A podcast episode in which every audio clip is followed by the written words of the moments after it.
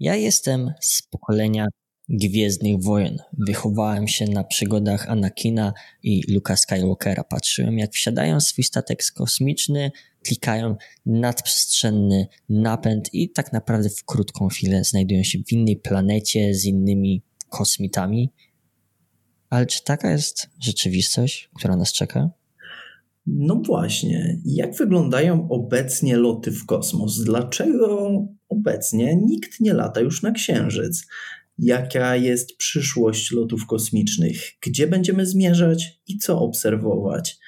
Oraz o tym, jak dużo prawdy pokazuje nam science fiction, bo jednak jest tutaj w tym słowie trochę fikcji o tym, jaka jest literatura faktu i twardym, co jest twardym science fiction, także dzisiaj porozmawiamy z naszym gościem. A nasz dzisiejszy gość reprezentuje Polską Agencję Kosmiczną.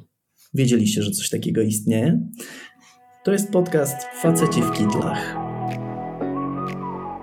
Nasi drodzy słuchacze, dziś zabierzemy Was w podróż w nieznane do odległych galaktyk.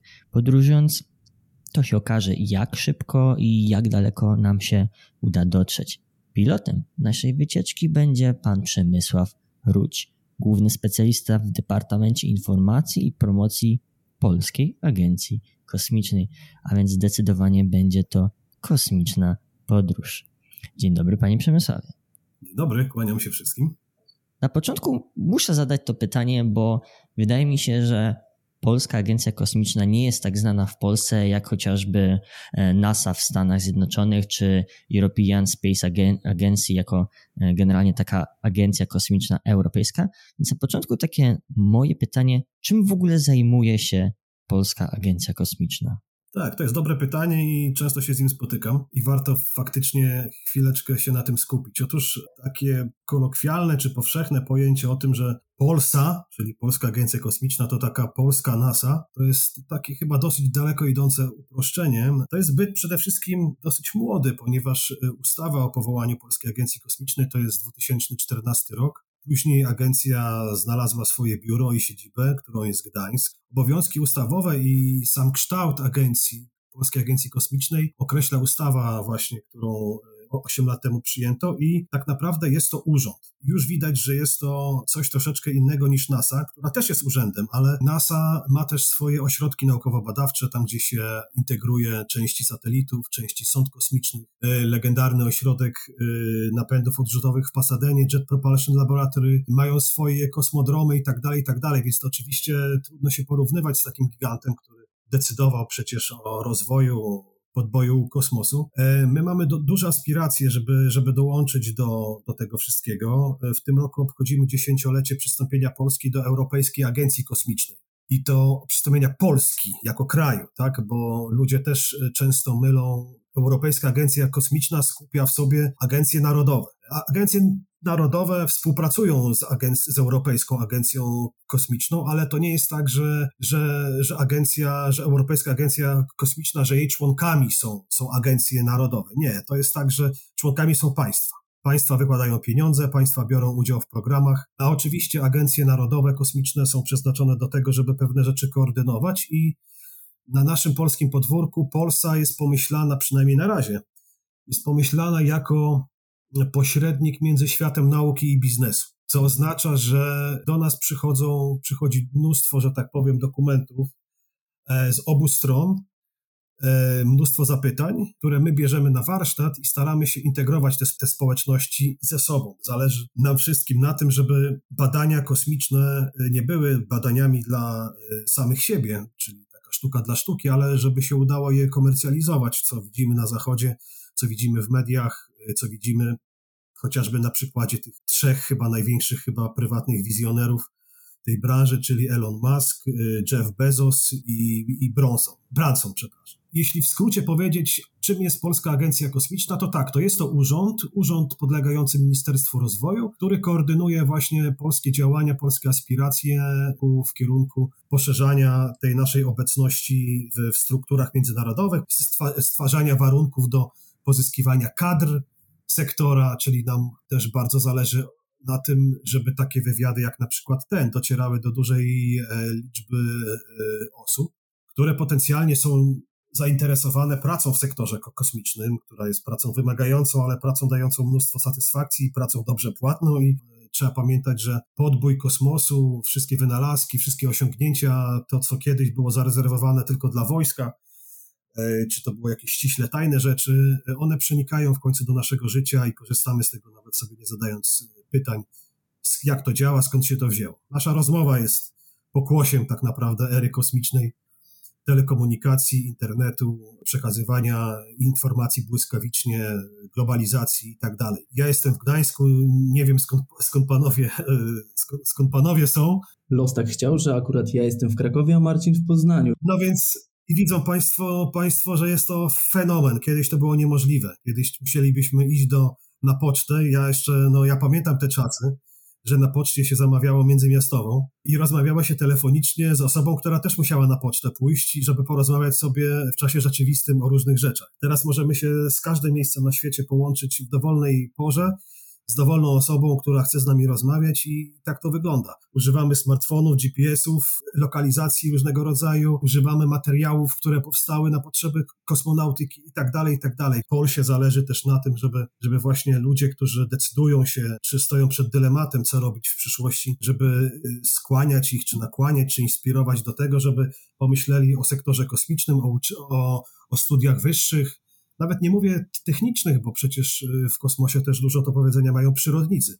Astronomowie, biolodzy, chemicy, geolodzy, powstały te przecież samodzielne w zasadzie nauki z tym przed, z przedrostkiem astro. Astrogeologia, astrochemia, astrobiologia i tak dalej, i tak dalej. Prawnicy mają dużo do powiedzenia, bo przecież w sytuacji, kiedy tych, tych obiektów będzie coraz więcej krążących nad nami, na pewno będą sytuacje sporne, na pewno będą jakieś y, zderzenia, na pewno będzie wchodzenie sobie, że tak powiem, w swoje podwórko i trzeba będzie to wszystko regulować, więc jest to w zasadzie tak szerokie pojęcie, jak tylko szeroka jest ziemska kultura, ziemska cywilizacja, jej, że tak powiem, filozofia w ogóle bycia, czyli poznawania, ciekawość. Polska Agencja Kosmiczna Narodowa, czeska, niemiecka, francuska, angielska, jakakolwiek na świecie.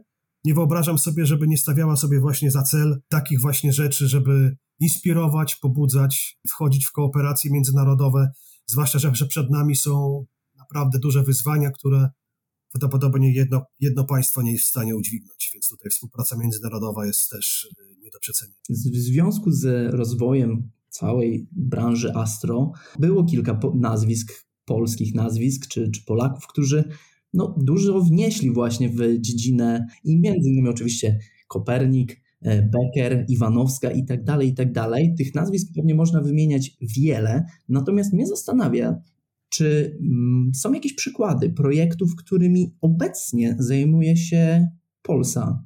To znaczy, czy są jakieś już kooperacje, o których możemy usłyszeć, które faktycznie zmieniają i rozwijają świat, o których warto mówić, warto je tutaj nagłośnić? Tak, tutaj tych projektów jest dużo. Myśmy je realizowali jeszcze w czasach poprzedniej epoki, realizowaliśmy je głównie ze Związkiem Radzieckim. Potem po tych wszystkich zmianach politycznych i po przejściu, że, że tak powiem, na drugą stronę mocy, zaczęliśmy realizować projekty związane z misjami amerykańskimi, z misjami europejskimi. Y, taką pierwszą dużą misją, w której brała Polska, to była misja Cassini-Huygens, y, która poleciała w kierunku Saturna i tam się znalazły polskie urządzenia pomiarowe. W tej chwili na Marsie operuje misja InSight, gdzie jest polski czujnik gruntu. Tych misji jest znacznie więcej. Misja Bepi Colombo, która zmierza y, ku Merkuremu, misja Solar Orbiter, która będzie badała, znaczy bada Słońce, tak?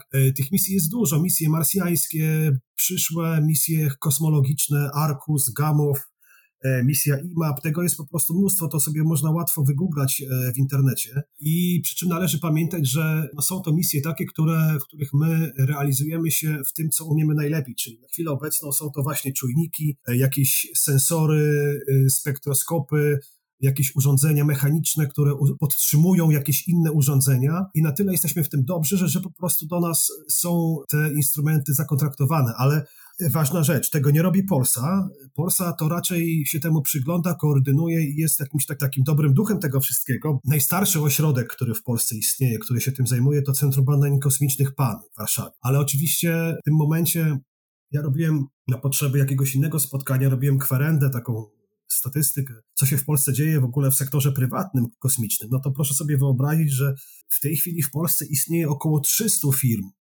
które zajmują się mniej lub bardziej tematyką właśnie e, produkcji tych, tych, tych rzeczy e, związanych z kosmosem, bądź na przykład wykorzystywania danych satelitarnych.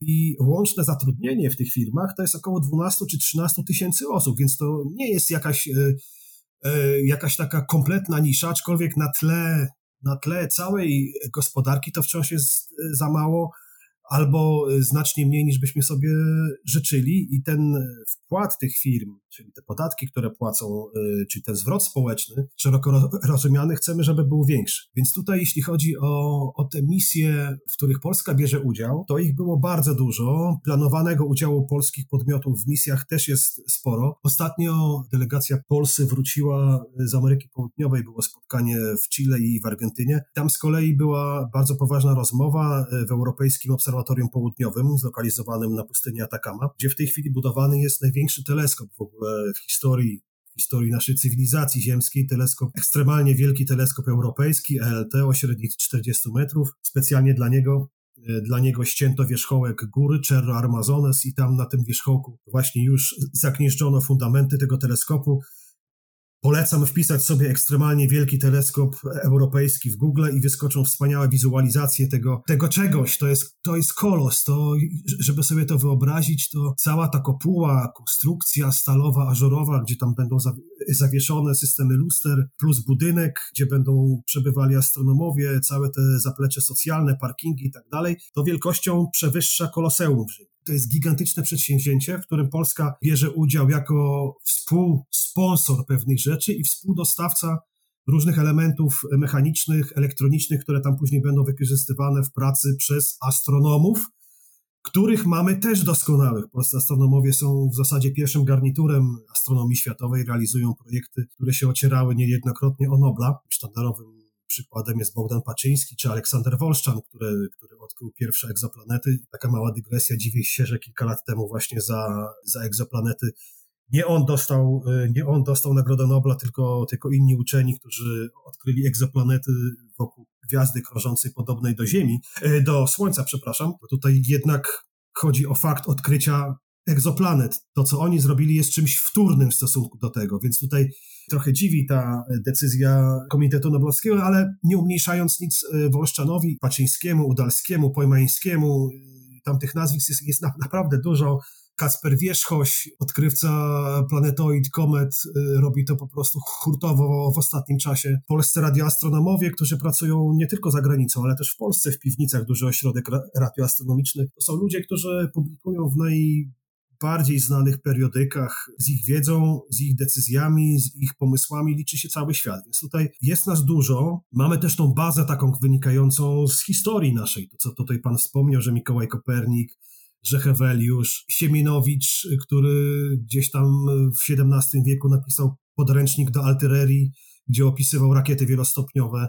Później mieliśmy teoretyczne prace Ciołkowskiego i Sternfelda. No są to też ludzie, którzy byli y, z Polską bardzo mocno związani przez pochodzenie po prostu. Ciołkowski był synem ze Słańca Polskiego po powstaniu listopadowym, a Sternfeld, który mm, projektował, wyznaczał orbity sztucznych satelitów, innymi Sputnika 1, urodził się w Sieradzu w polsko-żydowskiej rodzinie i, i o tym trzeba pamiętać. To oczywiście Polacy w programie Apollo, później polscy astronauci, którzy należeli do drugiego pokolenia czy trzeciego pokolenia Polonii amerykańskiej. Kilku z nich brało udział w lotach wahadłowców amerykańskich. George Zamka, James Pawelczyk, Scott Parazyński, Karol Bobko. Później mieliśmy oczywiście u nas Mirosława Hermaszewskiego w programie Interkosmos. W tej chwili taką nowinką jest dużą e, to, że bodajże rok temu, czy dwa lata temu, już teraz nie pamiętam, Europejska Agencja Kosmiczna ogłosiła nabór do nowej kadry astronautów i po tym pierwszym, pierwszym etapie selekcji, czy nawet już chyba były dwa, 20 osób z Polski przeszło dalej, no i z grona kilku tysięcy osób, czy kilkunastu tysięcy osób. Więc tutaj widać nawet też, że zainteresowanie ludzi młodych jest, jest z czego wybierać, y, no plus to, co, plus to, co składa się na ten dzień powszedni, czyli y, firmy polskie wysyłają satelity, satelity budują też y, koła naukowe studenckie, satelity są kontraktowane przez polski rząd. No, trudną i tragiczną sytuację z Ukrainą. No, ona wybitnie pokazuje, że trzeba mieć swój system obserwacji Ziemi, czy Polski tutaj już nawet skupiając się na naszym terenie, żeby po prostu mieć świadomość sytuacyjną, co się wokół nas dzieje, wokół naszych granic.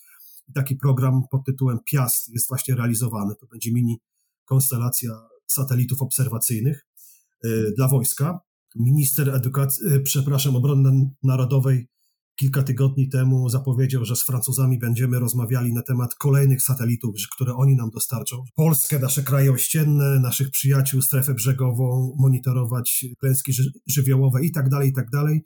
Więc tutaj ten temat jest żywy. Wydaje mi się, że to są genialne czasy właśnie dla ludzi, którzy wchodzą dopiero w dorosłe życie którzy decydują się, jaką szkołę wybrać. Wachlarz możliwości, który, który się otwiera w połączeniu właśnie z globalizacją, z wymianą międzynarodową, z łatwością wchodzenia w interakcje z różnymi ludmi, e, no to jest e, coś, czego nie było nigdy. No, to jest po prostu przełom, znak naszych czasów. Właśnie sobie odpaliłem jeszcze w Google, tak jak pan powiedział, ten ekstremalnie duży e, mikroskop, chciałem powiedzieć. Jestem biologiem, więc wie pan, zboczenie zawodowe.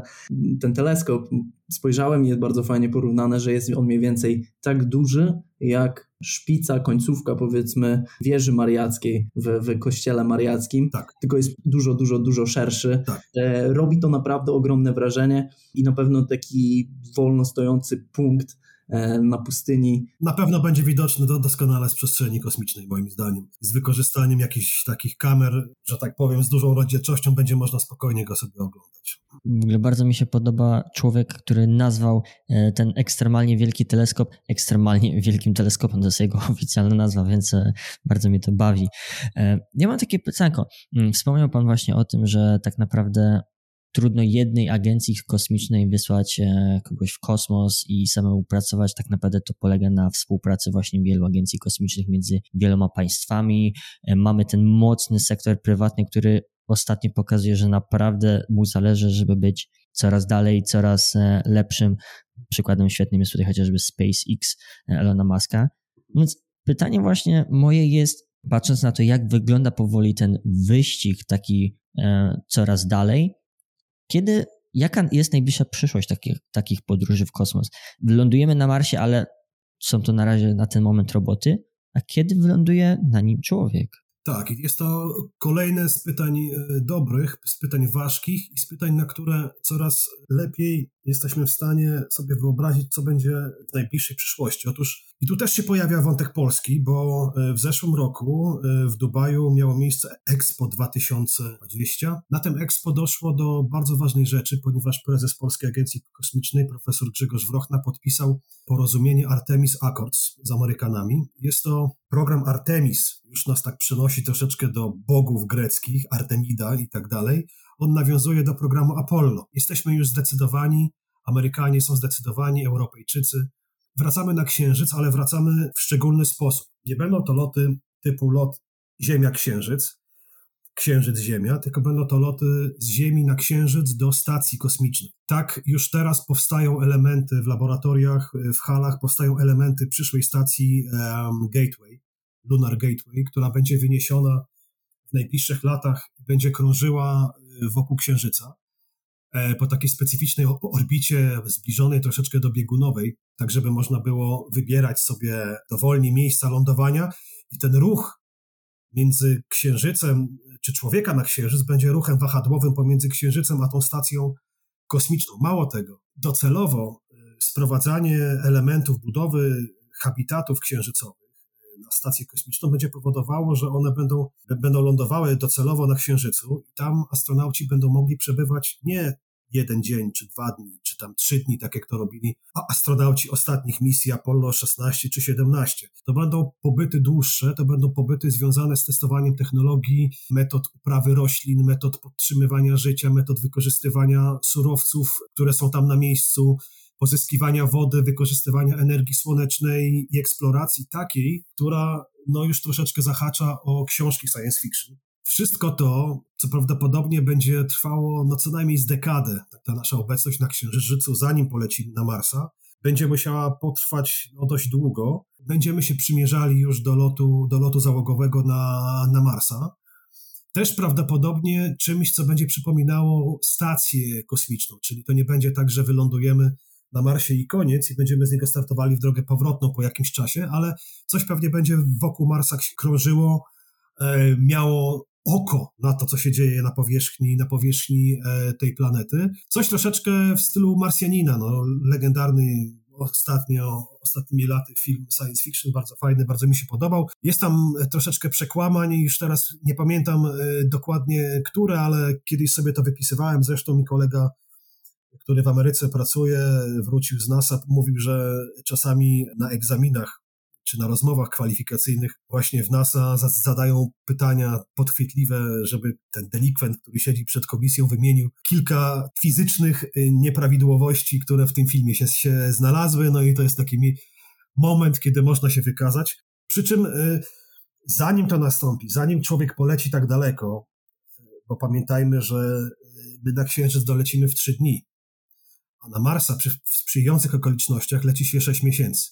I żeby cała podróż miała sens, to trzeba pewnie też te 6 miesięcy albo rok na, na powierzchni zostać, żeby złapać kolejne okno powrotne na Ziemię. Nie jest tak, że my możemy w każdej chwili wystartować. Trzeba tak zgrać te momenty, że żebyśmy mogli zużyć jak najmniej paliwa i trafić na, na siebie w tej przestrzeni. No i czy człowiek to wytrzyma?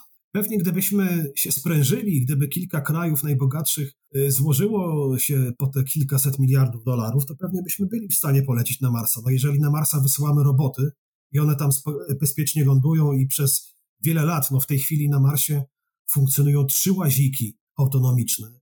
Curiosity, który był wysłany prawie 10 lat temu e, i sobie świetnie radzi. Mamy łazik Perseverance, który wylądował w zeszłym roku. Mamy łazik chiński. E, czyli jesteśmy w stanie dostarczyć kupę złomu, tak naprawdę, mówiąc troszeczkę kolokwialnie i, i z dystansem, więc prawdopodobnie też byśmy byli w stanie dostarczyć człowieka, ale tu jest problem e, ludzki, natury fizycznej i psychicznej się pojawia. Że tutaj jednak możliwość obserwacji czy posiadanie Ziemi na wyciągnięcie ręki, tak naprawdę z perspektywy księżycowej, szybki kontakt z Ziemią w, w sytuacjach kryzysowych, świadomość tego, że niebawem będę w domu, ona jest dla człowieka czymś bardzo ważnym. W sytuacji, kiedy Ziemia e, zmienia się w punkt, kiedy rozmowa polega na tym, że wysyłamy informacje, do Ziemi leci 15 czy tam 16 minut, Ziemia ją odbiera i wysyła nam informację zwrotną kolejne 16 minut, czyli mamy rozmowa zwykłe cześć Ziemia, cześć Mars, dzieli pół godziny. To już sprawia, że że człowiek y, staje się coraz bardziej wyalienowany. Do tego wchodzą problemy natury psychicznej związane z klaustrofobią, że jesteśmy zamknięci w małej przestrzeni. Kadra astronautów dobiera się po bardzo ścisłej selekcji, ale trzeba pamiętać o tym, że to jest tylko chwila, kiedy coś w kimś może pęknąć, po prostu będzie się czuł źle, że, będzie, że będą jakieś sytuacje konfliktowe, że zwykła jakaś y, tęsknota za domem, czy po prostu, nie wiem, lęk o o to, co będzie w przyszłości, może spowodować, że sens takiej misji, czy jej bezpieczeństwo mogą być zagrożone. Te najbliższe lata y, spędzone w otoczeniu Księżyca będą też świetnym testem tego, czy jesteśmy w stanie człowieka przygotować na misje długie, na misje wielomiesięczne, na, nawet na misje, które mogą potrwać kilka lat, żeby te miliardy albo i nawet biliony dolarów wpakowanych w te, w te przedsięwzięcia no nie pójdą, nie pójdą e, na marne. Tutaj pan wspomniał, że jest biologiem. Zagadnienia, które są związane z fizjologią, nie są panu, nie, nie są panu obce, a przestrzeń kosmiczna traktuje człowieka jak intruza. Chce go zabić po prostu. My musimy wykorzystywać naszą technologię do tego, żeby się temu przeciwstawić. Mam wrażenie, e, słuchając pana, że najsłabszym punktem naszej podróży w kosmos jest e, właśnie człowiek i to on jest najbardziej, nazwijmy to, problematyczny. I właśnie tutaj świetnym porównaniem wydaje mi się, żeby pokazać, jak dużym problemem psychologicznym, natury psychologicznej jest właśnie taki lot w kosmos, jest to, że to, co pan powiedział, że to trwa pół roku, rok, zamknięcia w małej przestrzeni. A przecież e, tutaj ostatnie dwa lata możemy sobie świetnie przypomnieć, jak to wyglądało, gdzie na przykład ktoś lądował na kwarantannie na 10-17 dni zamknięty w małym e, mieszkaniu. I Zgadza to się. już dla Ludzie wielu ludzi wariowali było. prostu? I to ludzie wariowali, a pomnóżmy to sobie tak naprawdę razy kilka, e, kilkanaście razy. ten wątek taki właśnie, że oderwania całkowitego od domu. Ludzie siedząc na, na, na kwarantannie, oni mieli to poczucie, że za chwileczkę wyjdą do kina, za chwileczkę wyjdą do znajomych, za chwileczkę pójdą z, kole, z kolegą do pubu czy na mecz, a tego tam nie będzie. Tam wszelkie sytuacje kryzysowe trzeba będzie rozwiązywać przede wszystkim najpierw w swoim gronie, bo reakcja Ziemi będzie opóźniona. Tego właśnie, tego nieprzystosowania naszych organizmów fizycznie i psychicznie do, do długiej rozłąki, do podróży kosmicznych, tu jeszcze wchodzi ten wątek promieniowania kosmicznego, nieważkości, czyli mamy tutaj osteoporozę, zanik mięśni, e, mamy problemy z układem krążenia, mamy problemy z układem pokarmowym. Promieniowanie kosmiczne powoduje degenerację, e, degenerację DNA i mutacje. Więc tak naprawdę w chwili obecnej, gdybyśmy faktycznie wysłali człowieka w jakimś statku kosmicznym i on przez pół roku by zbierał tą dawkę tego promieniowania, to on prawdopodobnie musiałby by być świadomy tego, że to jest tak naprawdę one-way ticket, że, że jest to podróż w jedną stronę i nawet jeśli wróci, wróci, to prawdopodobnie będzie chory. Właśnie ten element związany tutaj z tą samotnością był opisany w jednej z książek, którą, którą czytałem a propos kosmosu polskiego autorstwa, czyli tutaj Cena Nieważkości i kulisy pierwszego lotu Polaka w kosmos.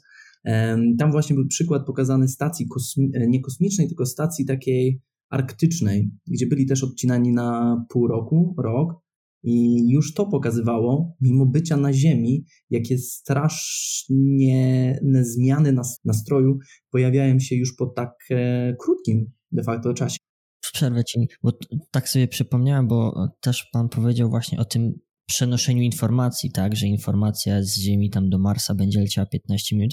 Tutaj świetnym pokazaniem tego problemu e, przypomina mi się film mm, Passengers, pasażerowie z Jennifer Lawrence i Chrisem Prattem, gdzie właśnie Chris Pratt e, się tam budzi i próbuje wysłać informacje na Ziemię i super, super informacje e, dostanie z powrotem za 50 lat, bo to już był tak wielki dystans, że ta informacja by tyle wracała, więc to jakby też pokazuje z jakim wyobcowaniem nagle ci ludzie się muszą zderzyć. No i wspomniał Pan też bardzo ważną rzecz a propos tych zmian w ciele, nie tylko na poziomie psychicznym, ale także na poziomie fizycznym.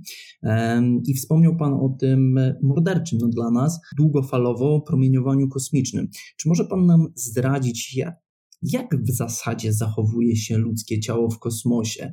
Bo najdłużej przebywającym jednorazowo człowiekiem był Walerii Polakow bodajże, który spędził 437 dni. To znaczy, że spędził no, rok i trochę. A my tu mówimy o trzech latach i to jeszcze meandry kosmosu, w których jeszcze nie byliśmy, no i być może na planecie, która może okazać się dla nas mniej jeszcze przyjazna. Co się dzieje, co może się wydarzyć z ciałem podczas właśnie lotu takiego w kosmos, długofalowego, długoterminowego lotu? Tak, przede wszystkim e, tutaj trzeba e, wyjaśnić, na czym polega charakterystyczny i popularny i słynny, legendarny stan nieważkości. To nam się wydaje, że to jest takie przyjemne, miłe i fajne. Natomiast e, tak naprawdę stan nieważkości to jest stan ustawicznego spadku swobodnego. To, że astronauci tam w stacji kosmicznej nie widać, żeby oni gdziekolwiek spadali, polega po prostu na tym, że oni wraz z tym statkiem w momencie wyniesienia na orbitę została im nadana odpowiednia prędkość, która umożliwia im tak naprawdę w każdej chwili spadanie za lokalny horyzont. Siła grawitacji chce ich ściągnąć na, y, na powierzchnię Ziemi, ale ta prędkość pozioma, czyli czy prostopadła do wektora grawitacji, powoduje, że oni cały czas spadają. Jest takie słynne myślowe doświadczenie Izaaka Newtona, którym, w którym on wyjaśnił, na czym polega właśnie orbitowanie wokół Ziemi. Stawiamy sobie na Ziemi wyimaginowaną górę. Oczywiście zdejmujemy z Ziemi atmosferę, bo ona działa w hamujący sposób. Strzelamy z armaty, y, za, za każdym razem dokładając do niej coraz więcej prochu. I obserwujemy, co się dzieje. Strzelamy poziomo w kierunku horyzontu. No i oczywiście, gdy nabijemy tego prądu, y, tego prochu mało, to ta kula spadnie nam gdzieś u podnóża góry. Jeśli nabijemy coraz więcej, ta kula będzie leciała coraz dalej, coraz dalej, coraz dalej. W pewnym granicznym przypadku kula nam zniknie za, za horyzontem, ale w dalszym ciągu gdzieś tam dalej, zanim ona spadnie. Jeśli wyobrazimy sobie pewną graniczną prędkość, taką, która uniemożliwi spadek tej kuli na powierzchnię Ziemi, to, to okaże się, że przy pewnej prędkości ta kula wróci do miejsca, z którego została wystrzelona. Czyli tak naprawdę y, została wprowadzona na orbitę wokół Ziemi. Teraz y, brak powietrza jest niezbędny, ponieważ no, ona działa w sposób hamujący, czujemy to jadąc rowerem. I dlatego też wynosimy satelity na wysokości znacznie większe, powyżej atmosfery. Niska orbita wokuziemska to, to jest powiedzmy 300-400 kilometrów. Tam atmosfera ziemska jest już szczątkowa, Owszem, w dalszym ciągu spowalnia te, spowalnia te satelity, ale one raz wyniesione mogą tam się po prostu unosić przez wiele lat. No więc y, stan nieważkości jest tak naprawdę stanem ustawicznego spadania za lokalny horyzont, no a spadanie, spadanie nie jest czymś przyjemnym. I astronauci raportują, że pierwsze ich wrażenia są takie, że, że czują się, że po prostu spadają, że y, napływa im krew do głowy, że czują się, że że coś jest nie tak, że, że twarze ich robią się nabrzmiałe, e, że trudniej im się oddycha, e, mają tak zwaną, e, tak zwaną księżycową twarz, czyli, czyli okrągłą bardzo, jak księżyc w pełni, gdzie na powierzchni Ziemi krew raczej gromadzi się, jest pompowana przez, przez serce, ale grawitacyjnie dąży do tego, żeby zbierać się w dolnych częściach ciała. Więc, więc tam po prostu tam jest to zupełnie inaczej. Do tego dochodzą mdłości, do tego dochodzą e, problemy e, z błędnikiem, e, z, orientacją przestrzenną. W dłuższym czasie, z tego, że zanika tkanka mięśniowa, gdyż na Ziemi my, nasze mięśnie są stymulowane praktycznie cały czas. Tamtych bodźców jest mniej znacznie, więc, więc tutaj wiadomo, że przyroda troszeczkę działa w ten sposób, że części nieużywane są, po prostu zanikają. I te mięśnie, które astronauci e, zabierają z sobą z Ziemi, one się degradują. No i... Podstawową rzeczą, którą musimy zrobić, to przełamać tą barierę prędkości światła. A.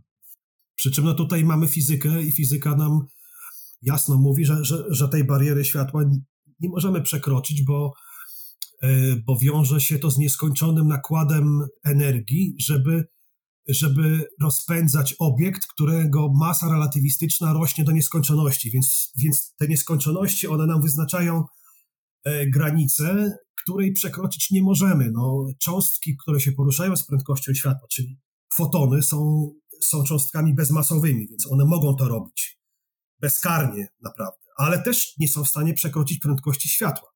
E, tutaj e, w sukurs przychodzą oczywiście autorzy science fiction, którzy wymyślają tunele, które ludzkość będzie na jakimś etapie rozwoju będzie mogła budować, wywoływać je w jakiś sposób y, między, między odległymi miejscami i szukać tych skrótów takich, żeby między nimi podróżować, ale, ale tu wydaje mi się, że tutaj, że to jest, y, to jest na tyle odległa perspektywa, że naprawdę my mamy znacznie więcej kroków pośrednich do wykonania i znacznie ważniejszych z naszego punktu widzenia niż na razie skupianie się nad czymś, co oczywiście jest bardzo inspirujące i fascynujące. Natomiast y, myślenie o lotach międzygwiezdnych bez ogarnięcia technicznie lotu na Marsa, nie można pewnych etapów pominąć, no bo to się po prostu nie uda. No właśnie, wspomniał Pan, że słabym na razie elementem tej całej wycieczki jest człowiek, ale tak sobie myślę, że dosyć słabym, w mojej oczywiście opinii, elementem jest tak naprawdę też napęd. Tak mi się wydaje, że to, czym latamy, to są tak naprawdę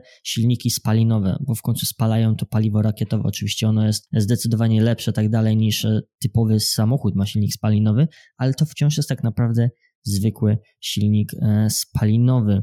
Czy są pomysły właśnie, jak ten krok e, poprawić, czyli jak latać szybciej, jakie są alternatywne pomysły na napędy do statków kosmicznych, bo to tak naprawdę determinuje no tak naprawdę też prędkość dotarcia chociażby do takiego Marsa. Prawdą jest to, że tak naprawdę przy wynoszeniu czegokolwiek z powierzchni dużych ciał niebieskich jest coś, co musimy uzyskać, czyli ciąg. Na chwilę obecną ten ciąg, który nam pozwala zgodnie z trzecim prawem Newtona, czyli siła akcji równa się reakcji. Czyli spalamy paliwo, z jednej strony ono się ucieka w jedną stronę, a rakieta leci w drugą stronę. powoduje, że w zasadzie jest to jedyna metoda, którą teraz znamy aktualnie, która jest w stanie skutecznie umożliwić nam wynoszenie dużych ładunków na orbitę. Podchodzi się jeszcze do tego w taki sposób troszeczkę mieszany. Jest za to odpowiedzialna firma Virgin Galactic, która ma takie coś, co się nazywa Launcher One. Jest to y, system wynoszenia orbitalnego, który polega na tym, że mniejszą rakietę podczepiamy pod samolot, który leci na kilkanaście kilometrów. To jest duży samolot, jakiś Boeing, tych rozmiarów samolot i rakieta startuje z jego poziomu. Czyli on jest wynoszona, jest wynoszona jest wysoko, już tam gdzieś na górne granice troposfery i stamtąd y, jest uwalniana i startuje wyżej. Inne pomysły w tej dziedzinie są takie, że małe ładunki chcemy wystrzeliwać za pomocą takiej, takiej magnetycznej procy, gdzie ładunek na Ziemi jest w takim bębnie y, rozpędzany do bardzo dużej prędkości i w pewnym momencie wystrzeliwany w górę, co oczywiście jest niemożliwe, żeby w ten sposób ludzi wysyłać, bo by umarli tam w środku, bo przeciążenia tam są naprawdę rzędu kilkunastu czy nawet kilkudziesięciu G. Y, więc y, jeśli chodzi o, jeśli chodzi o y, uzyskiwanie większych prędkości w skali lotów międzyplanetarnych czy międzygwiezdnych, no to w tej chwili mamy też kilka podejść. Takim standardowym pomysłem, który realizujemy od dawna, jest wykorzystywanie czegoś takiego, co się nazywa asysta grawitacyjna, czyli e, tak dobieramy trasę przelotu sondy kosmicznej. Pierwsze takie próby były realizowane w, takich, w takiej dużej skali na sondach Pionier, sondach Voyager na przykład, gdzie sonda rozpędzona standardowo silnikami spalinowymi. Nadajemy jej e, wektor prędkości i jego wartość w kierunku jakiejś planety. Ona leci w tą stronę. Przy okazji przelotu obok tej, rakiety, tej planety wy, wy, wykonuje tam zdjęcia, pomiary naukowe i tak dalej, i tak ale dzięki niej właśnie dostaje taki strzał jakby który ją kieruje w inną stronę i w ten sposób można sobie e, przeliczać bardzo skomplikowane układy równań, gdzie, gdzie możemy sobie zaplanować lot takiej, takiej sondy, gdzie trzeba się bardzo ściśle wstrzelić e, w, w okna podejścia do planety, wylotu z niej, żeby skierować się w kierunku innej. I to pozwoliło przy naprawdę bardzo niewielkim ładunku paliwa sondzie Voyager i Pionier opuścić już Układ Słoneczny dzięki temu. To są sondy wystrzelone w, w latach 70., czyli one lecą już powiedzmy 40, ponad 40 lat, co niektóre, no i są, i one są tak naprawdę bardzo daleko od najbliższej gwiazdy Słońca, Proxima Centauri. Z tą prędkością, którą mają teraz, one będą tam leciały jeszcze przez dziesiątki tysięcy lat. Więc są to, są to, są to prędkości zupełnie nieprzystające do tych odległości, o których y, mówimy. E, inną, innym e, pomysłem na napędy tego typu są silniki jonowe, e, które mają bardzo niski ciąg, ale są tanie, są bardzo wydajne i działają w długich przedziałach czasu, mogą działać stale, czyli nie, nie impulsowo, ale mogą działać po prostu przez dłuższy czas. I te silniki jonowe są już od pewnego czasu, to jest podejście numer dwa. Podejście numer trzy są to tak zwane żagle, czyli sonda rozpościera żagiel ze specjalnego materiału, cienkiego bardzo, który na zasadzie żagla statku morskiego czy okrętu morskiego, na niego wywierane jest e, ciśnienie wiatru słonecznego i to nadaje mu też bardzo niewielki ciąg, e, ale który skumulowany w czasie jest w stanie E, w warunkach przestrzeni kosmicznej nadać statkowi prędkości znacznie przekraczające te, które jesteśmy w stanie uzyskać e, grawitacyjnymi asystami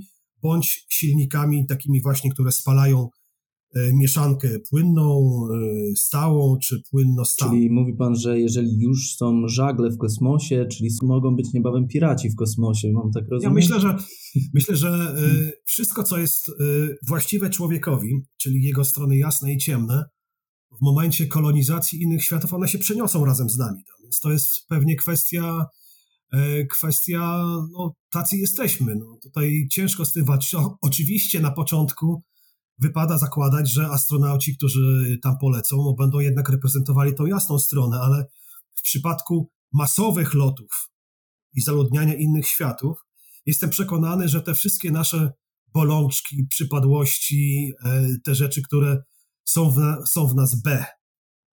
One też tam pewnie wylądują z nami. To moim zdaniem nie mam, nie mam żadnych wątpliwości. No to jesteśmy teraz w domu. Właśnie teraz chciałbym porozmawiać o tym, co myślę, że jest najistotniejsze, bo filmów sci-fi powstaje na potęgę. Dobre, słabe, średnie. Niektóre poruszają właśnie zagadnienie od strony takiej rozwojowej, pokazują to, ten aspekt bardziej naukowy, a niektóre skupiają się właśnie na takich mm, aspektach trochę ciemnej strony mocy, która no, drzemie gdzieś tam w nas. Chciałbym zapytać o to, które filmy sci-fi, które są obecnie dostępne i, i możemy oglądać, pokazują prawdę, a które nie. Oczywiście domyślam się, że no, skoki w nadprzestrzeń, o którym zresztą dzisiaj rozmawialiśmy, są niemożliwe, ale czy są może jakieś filmy sci-fi, które mm, pokazują z grubsza prawdę?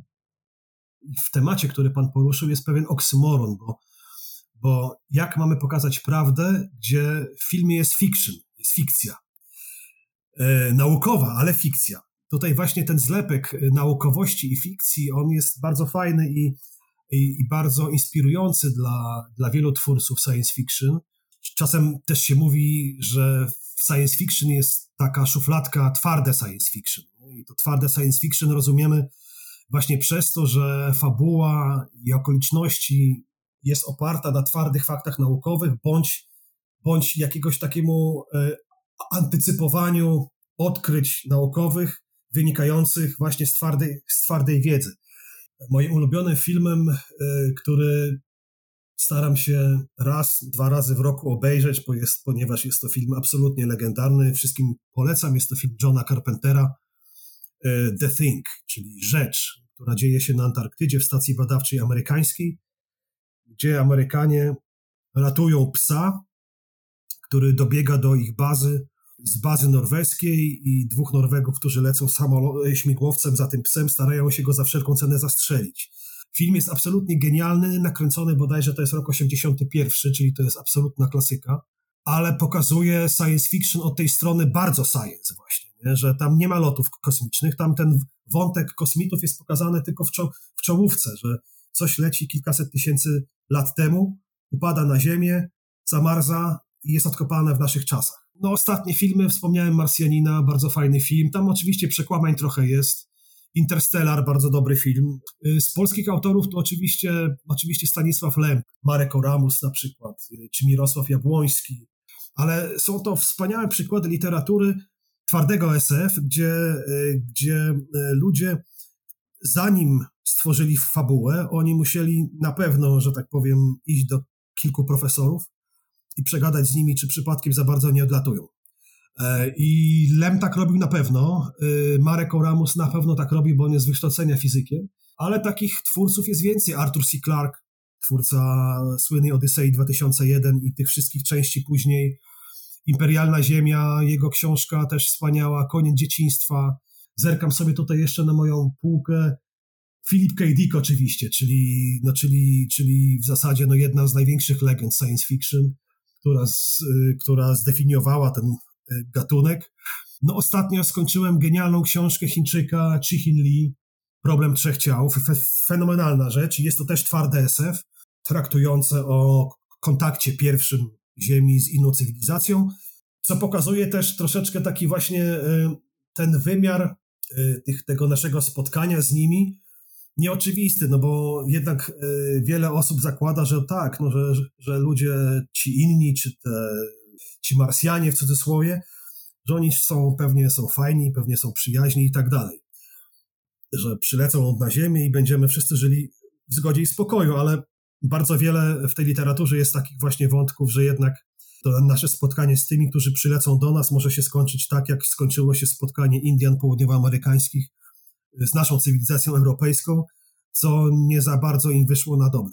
Gwiezdne Wojny są przykładem sagi takiej, gdzie, gdzie obok takiej twardej nauki jest dużo fantazji, jest dużo magii, jest dużo takiej, takiej transcendencji.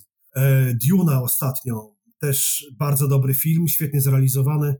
Wszystkie te filmy, literatura, one się składają e, na taką, na taką bazę którą jeśli ktoś złapie tego bakcyla, to potem on trudno z niego wychodzi, więc on tak może czasem paradoksalnie zdefiniować jego wybory na późniejsze życie życie dorosłe, zawodowe. Tutaj akurat muszę się przyznać, że po seansie Odysei Kosmicznej byłem nieziemsko zmęczony. Mi osobiście bardzo ten film nie podszedł i był dla mnie zbyt rozciągnięty, ale to oczywiście moja e, prywatna opinia. E, tutaj jeszcze w kontekście e, tego właśnie kontaktu z obcymi i tego tak naprawdę co oni mogliby od nas chcieć, e, to mi się akurat przypomina bardzo fajny film Arrival, po polsku to jest Nowy Początek z Amy Adams, która jest właśnie gra lingwistkę i jej zadaniem jest tak. zrozumienie języka, którym ci kosmici próbują coś nam przekazać. E, bardzo fajny film tak e, ze swojej strony polecam. Super, jakby ogrom wiedzy, który nam Pan przekazał, jest naprawdę niesamowity, ale jednocześnie dla mnie, jako właśnie fana Gwiezdnych Wojen, który wychował się na Gwiezdnych Wojnach i gdzieś tam o tych wszystkich podróżach kosmicznych, e, statkach kosmicznych, e, podróżach między różnymi nie tylko planetami, ale właśnie różnymi istotami pozaziemskimi. No w sumie jest smutne, bo e, wychodzi na to, że tak naprawdę dolecenie gdziekolwiek dalej jest no, dla gatunku ludzkiego, jeżeli nieosiągalne, to przynajmniej bardzo, ale to bardzo trudne, bo jak widzimy nawet do najbliższej innej gwiazdy mamy 4 lata świetlne, co przecież w perspektywie ludzkiego życia jest. Jest to po prostu niemożliwe. To są tak ogromne odległości, które e, zupełnie nie przystają nam do tego, do tego co, co obserwujemy na co dzień, gdzie, gdzie liczymy odległości w kilometrach, w tysiącach kilometrów, w setkach tysięcy kilometrów i to jest już dla nas dużo. A jeśli e, zaczniemy e, wchodzić w rzędy wielkości większe, gdzie już są biliony kilometrów, e, gdzie po prostu e, no jedno ludzkie życie to jest mało, gdzie trzeba po prostu właśnie kombinować w ten sposób, jak kombinują właśnie pisarze science fiction, że trzeba tworzyć statki, statki matki, wielkie platformy, gdzie cywilizacje po prostu rozwijają się, część ludzi tam żyje, umiera, rozmnaża się, kolejne pokolenia przejmują po nich całe dziedzictwo, i kontynuują ten lot, żeby badać już, już któraś tam e, z pokoleń już pewnie nie wie skąd nawet wylecieli tak naprawdę ich przodkowie, więc, e, więc tak, no niestety tutaj jest to pesymistyczne, ale właśnie no tutaj ktoś padło pytanie, co jest, czy możemy pokonać prędkość światła. No myślę właśnie, że wyobraźnia ludzka może czasami prędkość światła pokonywać, bo, bo możemy przeskoczyć wyobraźnią z Ziemi tam, momentalnie przecież. Nie? I jest to, jest to przecież taki zabieg bardzo chytry, bardzo cwany. Ważną rzeczą właśnie w kosmosie, w jego badaniu, w jego eksploracji jest właśnie ta wyobraźnia. Coś, co powiedział kiedyś Arthur C. Clarke właśnie, zapytany w jakimś wywiadzie, co powoduje, że wydajemy tak ogromne pieniądze na satelity, na rakiety, na sondy kosmiczne, kiedy mamy na Ziemi tyle problemów do rozwiązania. I on powiedział, że, że on rozumie tą frustrację taką do tych osób, które uważają, że tutaj najpierw trzeba te ziemskie problemy rozwiązać, żeby, żeby iść dalej, ale on mówi, że to, co robimy, to, co robimy y, z podbojem kosmosu, jest napędzane tym samym, co napędzało wczesne hominidy, które mieszkały sobie gdzieś na, na afrykańskiej sawannie i wchodząc na jakąś górkę, jakieś wzniesienie lokalne, zastanawiali się, co jest za horyzontem. I e, ta ciekawość, która e, czasem determinowana warunkami po prostu, które się zmieniały, że po prostu byli zmuszeni coś robić, ale, ale większość, wiele z nich po prostu robiło to z ciekawości, szli przed siebie. Tak samo ludzie są predestynowani chyba biologicznie do tego, żeby być ciekawskimi. No i ta ciekawość, ona powoduje, że nas to rozpiera że my jako gatunek, tu się też może nawet posłużę znowu, znowu, in, znowu innym pisarzem, Lemem właśnie, to nie jest tak, że nasza cywilizacja opuszcza Ziemię, żeby polecieć do innych światów, że według niego to jest tak, że my tą Ziemię rozszerzamy do tych sfer, gdzie tam te światy się znajdują, na podobnej zasadzie jak wielkie miasta pochłaniają te takie mniejsze jednostki i nagle się okazuje, że jakaś y, wioska pod Gdańskiem stała się jej, jego dzielnicą, więc my tak też troszeczkę tą ziemię, tą jej sferę, tą geosferę, tą biosferę, tą naszą sferę aktywności rozszerzamy, jakby anektując troszkę, czy biorąc w posiadanie nasze te, te globy, te ciała niebieskie, które już odwiedziliśmy i tak dalej, więc, więc ciekawość, wyobraźnia, e, no to jest to, czego nam chyba nigdy nie, nie zabraknie. Wiele reżimów chciało nam, chciało z nas to wytrzebić, ale się nie udało, więc, więc to chyba raczej, raczej możemy być spokojni o to, że zawsze jakiś procent populacji naszej będzie właśnie tymi, którzy stawiają sobie cele bardzo wysokie i je realizują. I tym jakże pozytywnym akcentem i taką iskrą nadziei w przyszłość e, chcielibyśmy podziękować za dzisiejszą rozmowę. Dziękuję bardzo. Dziękujemy i do usłyszenia. Dziękuję, do usłyszenia, pozdrawiam wszystkich.